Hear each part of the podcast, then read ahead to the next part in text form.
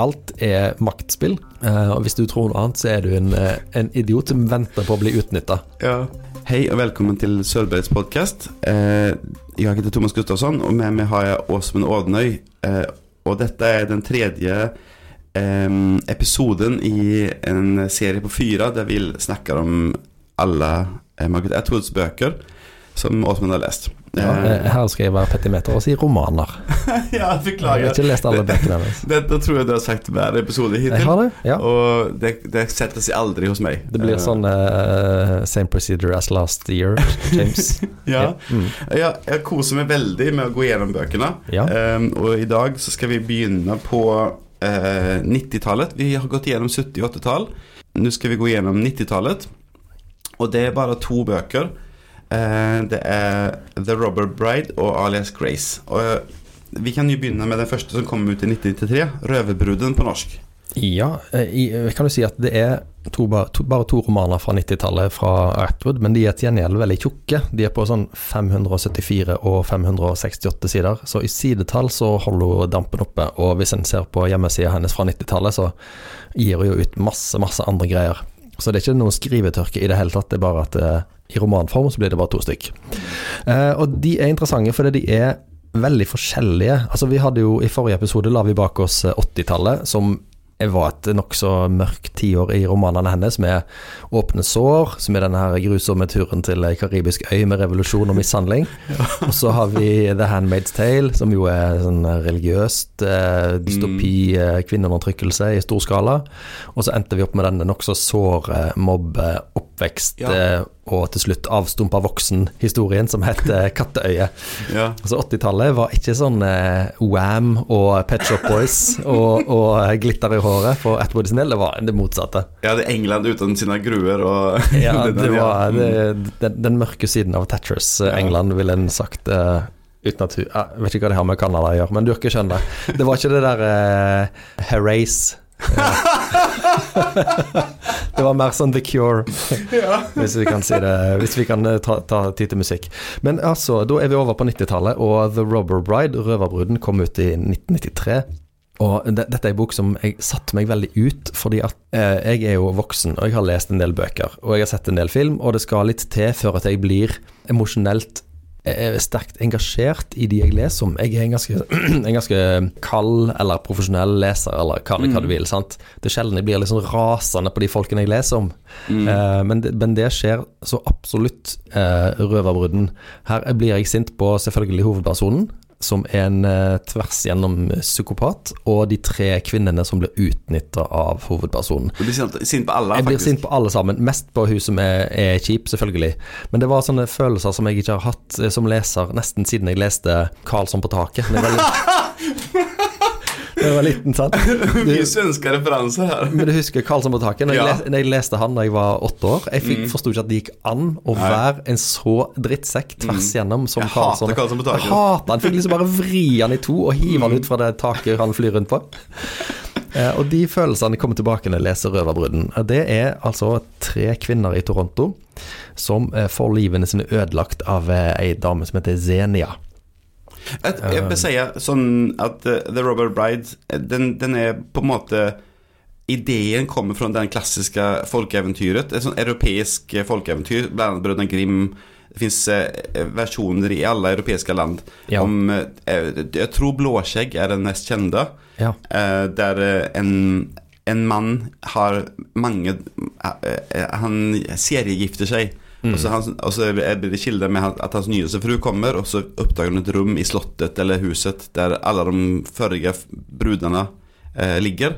Eh, noen ganger spiser han sine eksfruer, andre ganger dreper han dem bare. Eh, og så at hun oppdager det, og, ikke, og, og det blir oppdaget at hun oppdaget det. Ja. Eh, det er det som er grunn, eh, eh, grunnen her. Ja, jeg er jo svak i eventyr og mytologi generelt, men det høres ut som det er mye paralleller mellom romanen og dette her. Uh, denne boka strekker seg fra 1960-tallets Toronto fram til 1990, når den foregår i nåtid. Så det veksler mellom de tidsplanene. Og det handler da om eh, tre kvinner. Tony. Eh, hun har et annet navn, men hun kalles bare for Tony. Og så er det Cherise. Eh, som egentlig heter Karen, og så er det som heter Ross.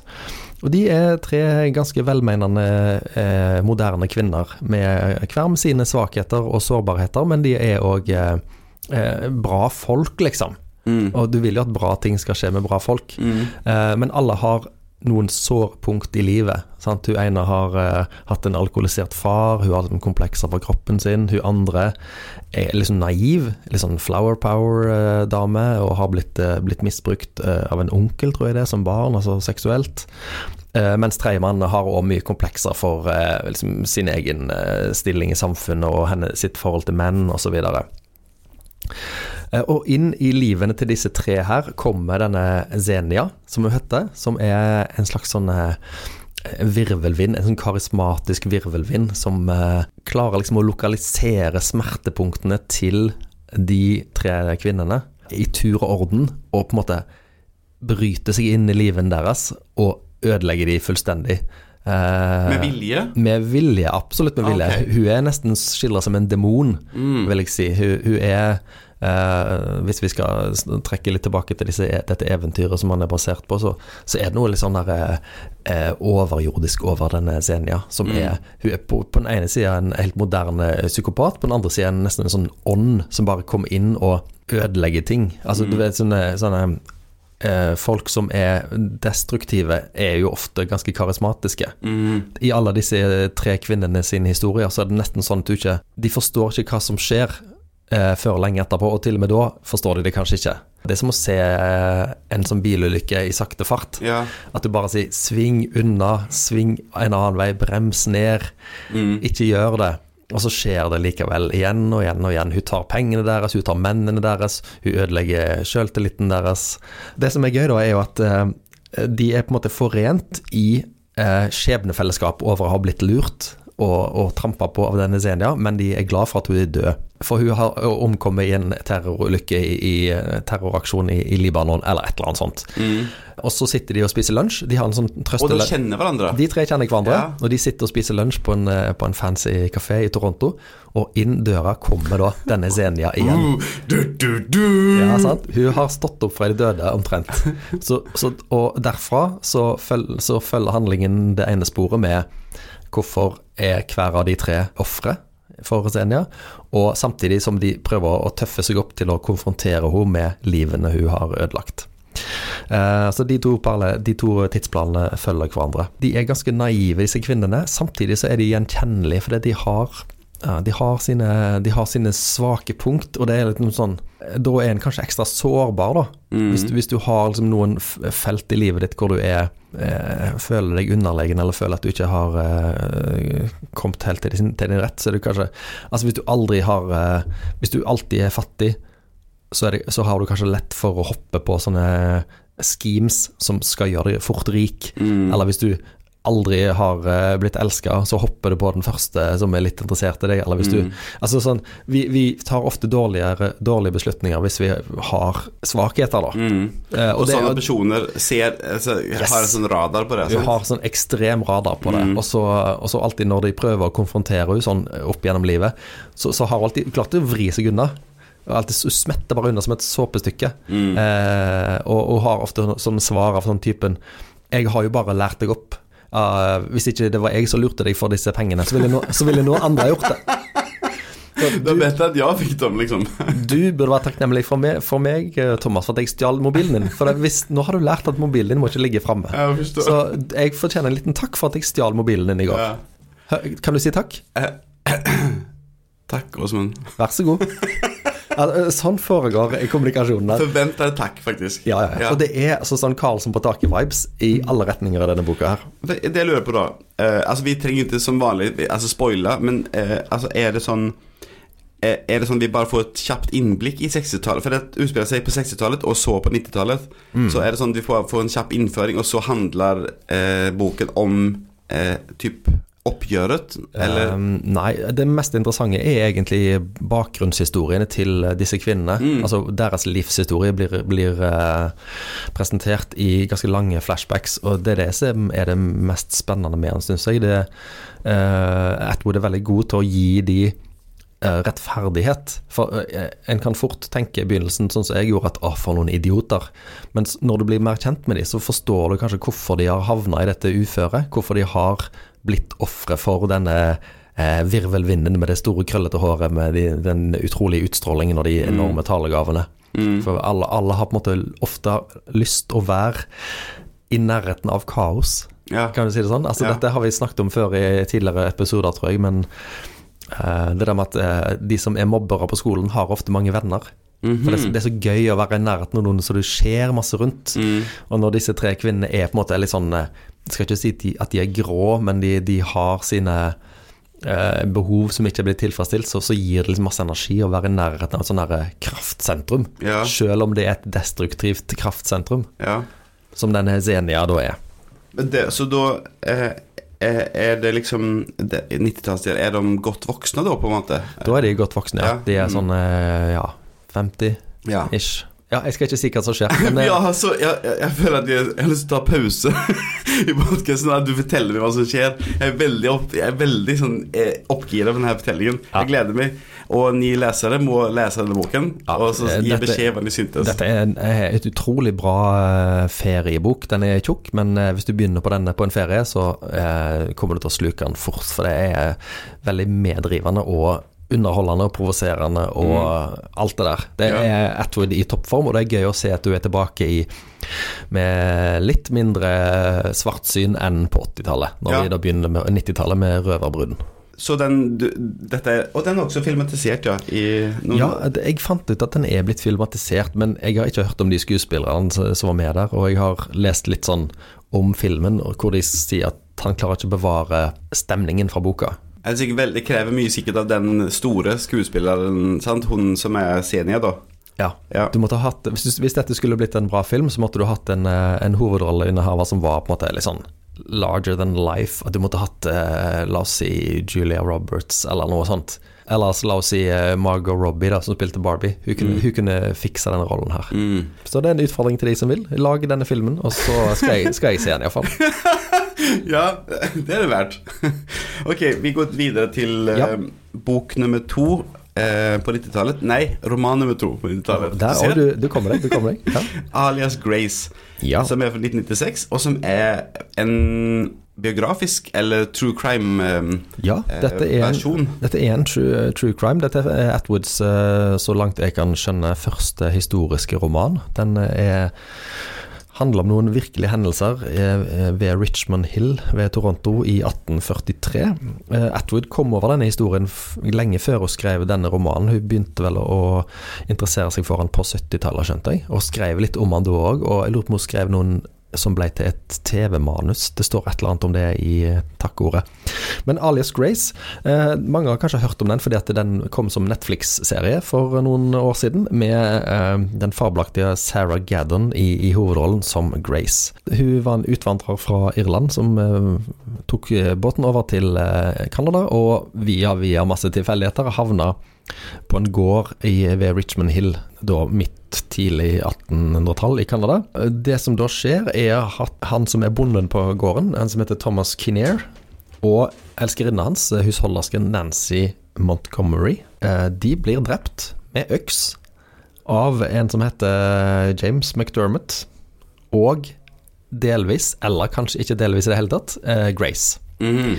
Så boka er et eh, forsøk på å skildre Grace sin rolle i disse drapene i 1840-tallets eh, Canada. Det Mm. fins masse kilder her, og eh, jeg telte opp før vi gikk i gang med innspillingen nå, at bak i boka så har Atwood takka 43 personer Mm. for eh, det som har resultert i denne boka. Det er helt utrolig for en Mm. research vi har gjort.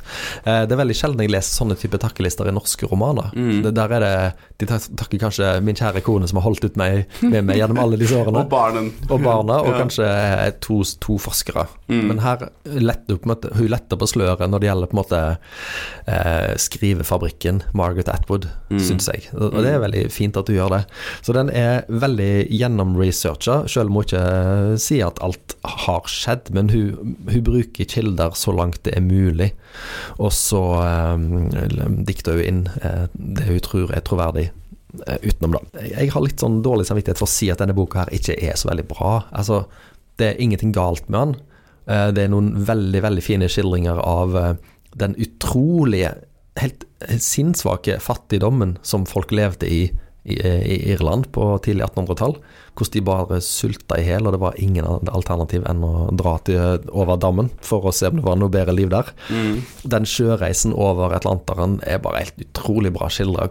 Død og drukning og liksom ah, Det er så så Det er så møkkete og skitt skittent og, og slitent alt sammen, og det bare fortsetter når det kommer til dette gårdsarbeidet de skal utføre. Hvor primitivt og hvor miserable liv de hadde, alle sammen. Mm. Men, men uh, sjølve det der med uh, Når en går i gang med boka, så har en kanskje en tanke om at når jeg har lest den ferdig, så vil jeg ha blitt leda i en retning til å tenke ja, var hun skyldig i disse øksedrapene, eller var hun ikke det? Mm. Og boka gir ikke noe godt svar på det, selv om han, han, han legger et veldig stort grunnlag det, jeg, syns, jeg syns han mangler litt en, en, eh, en, finish, kan du si det sånn. Mm. Jeg fikk litt den samme følelsen som jeg får hvis jeg begynner å høre på eller se på sånne true crime på, på TV. Altså sånne hvor de tar opp en gammel sak, og så skal de liksom få alle kortene på bordet. Hva skjedde egentlig med i den kriminalsaken den gangen? Det, det, det er veldig ofte at det bare det blir noen sånn løse, litt vage spekulasjoner til slutt. Og dette her skjedde jo for 180 år siden, så det er ja. klart umulig å vite hva som skjedde i hodet til Grace. Ja. Selv om um, hun tar mange fine grep, f.eks. med at du har introdusert en fiktiv doktor som heter Simon Jordan, som da driver og intervjuer Grace, og det er en slags sånn mentale sjakkspilling der med hva tenkte du, Grace? og han, han prøver å introdusere masse sånne motiver som peker kanskje litt fram mot eh, psykologi, altså som fagfelt. Det her er jo lenge før Freud. Mm. Eh, han, han, har eh, mange knep hvor han prøver å få henne på glid, men hun gir veldig lite ved døren. Mm. Altså, det, det, føles jo som Dette er jo en roman. Og, og, hun kunne gjort hva hun ville, på en måte. Ja, så det, det, er jo hennes ansvar at det ikke fanger. Altså, det er ikke sånn at denne historien ikke er spennende. Det er jo en eh, For jeg, jeg, du skriver sånn sånn der Margaret Atwood er en altfor dreven forfatter til å skrive en dårlig roman, men etter 560 sider om Grace Marks var jeg verken blitt engasjert i, hennes, i henne eller hadde henfalt til googling om saken. Det kanskje er, du kanskje er litt lite nysgjerrig da, for jeg ble interessert når jeg bare i forberedelsen her begynte å lese om den saken. Ja. Men du har jo lest boken, så du, det var jo mye enklere for meg. Men det, var mye, det har vært eh, mye kontroverser om det her eh, i Canada fra det skjedde allerede da var det Hun burde dø. Hun, hun ble dømt til døden. Hun når mannen, mannen ble henrettet, men hun ble ja. dømt til fengsel. Ja. Og så etter 30 år ble hun satt fri, og så forsvant hun. Så ja. ingen vet hva som skjedde etterpå. Mm. Og det har vært omdiskutert enda fram til nå, på en måte. Ja, det er jo fordi at en, uh, hun ga, ga, vel aldri noe svar sjøl på om hun var uh, skyldig, eller det ble aldri definitivt slått fast om hun var skyldig eller ei. Mm. Da, og da blir det jo fort uh, at saken lever videre. Mm. og andre sånne saker fra den tiden, sånn som Jack the Ripper og, det, og um, det var noen andre sånne ting som det var noen svenske innvandrerkvinner i USA som også var innblanda i. Det var mye sånne forferdelige ting. ja, ja, ja. På den tiden. Det var, det var sikkert pga. den ekstreme fattigdommen, da. Ja, Uh, og så er det jo òg uh, uh, vanskelig å, å, å, kanskje ta det i en bestemt retning når det er så lenge etterpå. At mm. det, det, blir vanskelig å konkludere for oss om, om en person som, som ytra seg veldig lite for veldig lenge siden. Men, men, hun har jo valgt å skrive en roman om det. Det er det hun har. Altså, og da kan hun jo velge selv. Hun kan velge selv, men du har, kanskje du blir litt fanga av det nesten litt sånn historikeraktige ved prosjektet. da. Mm. har jo engasjert uh, halve Canadas akademia, har jeg mm. inntrykk av, i, i forarbeidet. Så mm. da, da, føler du kanskje du skylder de å skrive det såpass eh, nøkternt eller så, så, faktabelagt som du kan. Og, og, da lider jo kanskje historiefortellingen litt igjen da, av det. Uh, skriver du sånn at um man finner en del paralleller til kjennerinnens beretning. Ja, det er jo um, dette med fellesskapet blant kvinner er veldig fint skildra mm. her. Det er jo et patriarkat de lever i, i på denne tida òg, så definitivt. Uh, det særlige vennskapet mellom, uh, mellom uh, Grace og venninna Mary, som er kollegaer på, på, et tidspunkt i boka. og hvordan de har et bånd, på, på tross av eh, de harde forholdene de lever under. Og jeg syns òg oppveksten i Irland og, og på en måte samholdet blant de forferdelig eh, dårligstilte i hennes familie er, veldig, er, veldig, er noe av det gode med boka. Men, men på en måte når ikke, når ikke hovedprosjektet kommer helt i mål, Mm. eller kommer til nærme nok mål, så, så syns jeg helheten svikter litt i denne boka. Jeg, jeg, jeg, jeg skjønner ikke helt hvorfor. Fordi siden hun, hun er en så flink forfatter, hun kunne ha Hun kunne gitt oss noe. Eller, fall, eller i hvert fall avslutte med et spørsmål som var interessant nok til at du satt igjen med god følelse, på en måte. Men, men jeg tenker også det, det du sier med Irland og den ekstreme fattigdommen, så av en eller annen grunn så har jeg lest mye om Titanic i det siste. Eh, Det var noen ting med at det var overraskende mange svensker om bord på Titanic, og at mange av dem overlevde. Og da var en av grunnene var at eh, selv om de reiste på la, lavere klasser, så var de sett på De svenske var sett på som bedre mennesker enn de irske, eh, som også reiste på lavere klasser. Så de hadde bedre mat, og de hadde lettere å komme seg ut. Eh, så de irske var sett som en slags under... Eh, Ja. eh, underklasse eh, generelt sett liksom overalt. Og det, det gjenspeiles jo sikkert da Selv om Titanic jo er mye senere enn dette, så er likevel den, den, eh, den ekstreme fattigdommen Mm. i Irland som, Ja. som Ja.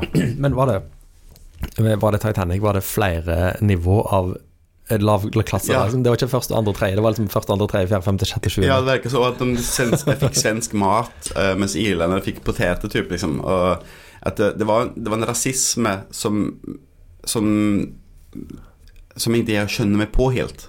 Eh, Ja, altså, var det sånn du fikk eh, med plass på båten ut fra hvilken nasjonalitet du hadde? Ja, så de svenske bodde sammen og hadde Ah. tilgang på bedre fasiliteter og bedre mat, eh, mens de irske, som jo også er liksom Jeg, vet, jeg forsto ikke helt greien, men det virket som alle var enige om at irlenderne må, eh, må vi bare sette for seg. Skulle tro det var mulig å betale seg ut av sånt hvis du hadde penger Ja, og var irsk. Og det da, kunne men, de eh, godt, sikkert. ja, Men jeg tipper at de fleste som dro Det var jo ennå under den masseutvandringen. Ja. Sant? Og jeg tipper at de fleste som dro, ikke kunne betale seg ut av noe. Utan.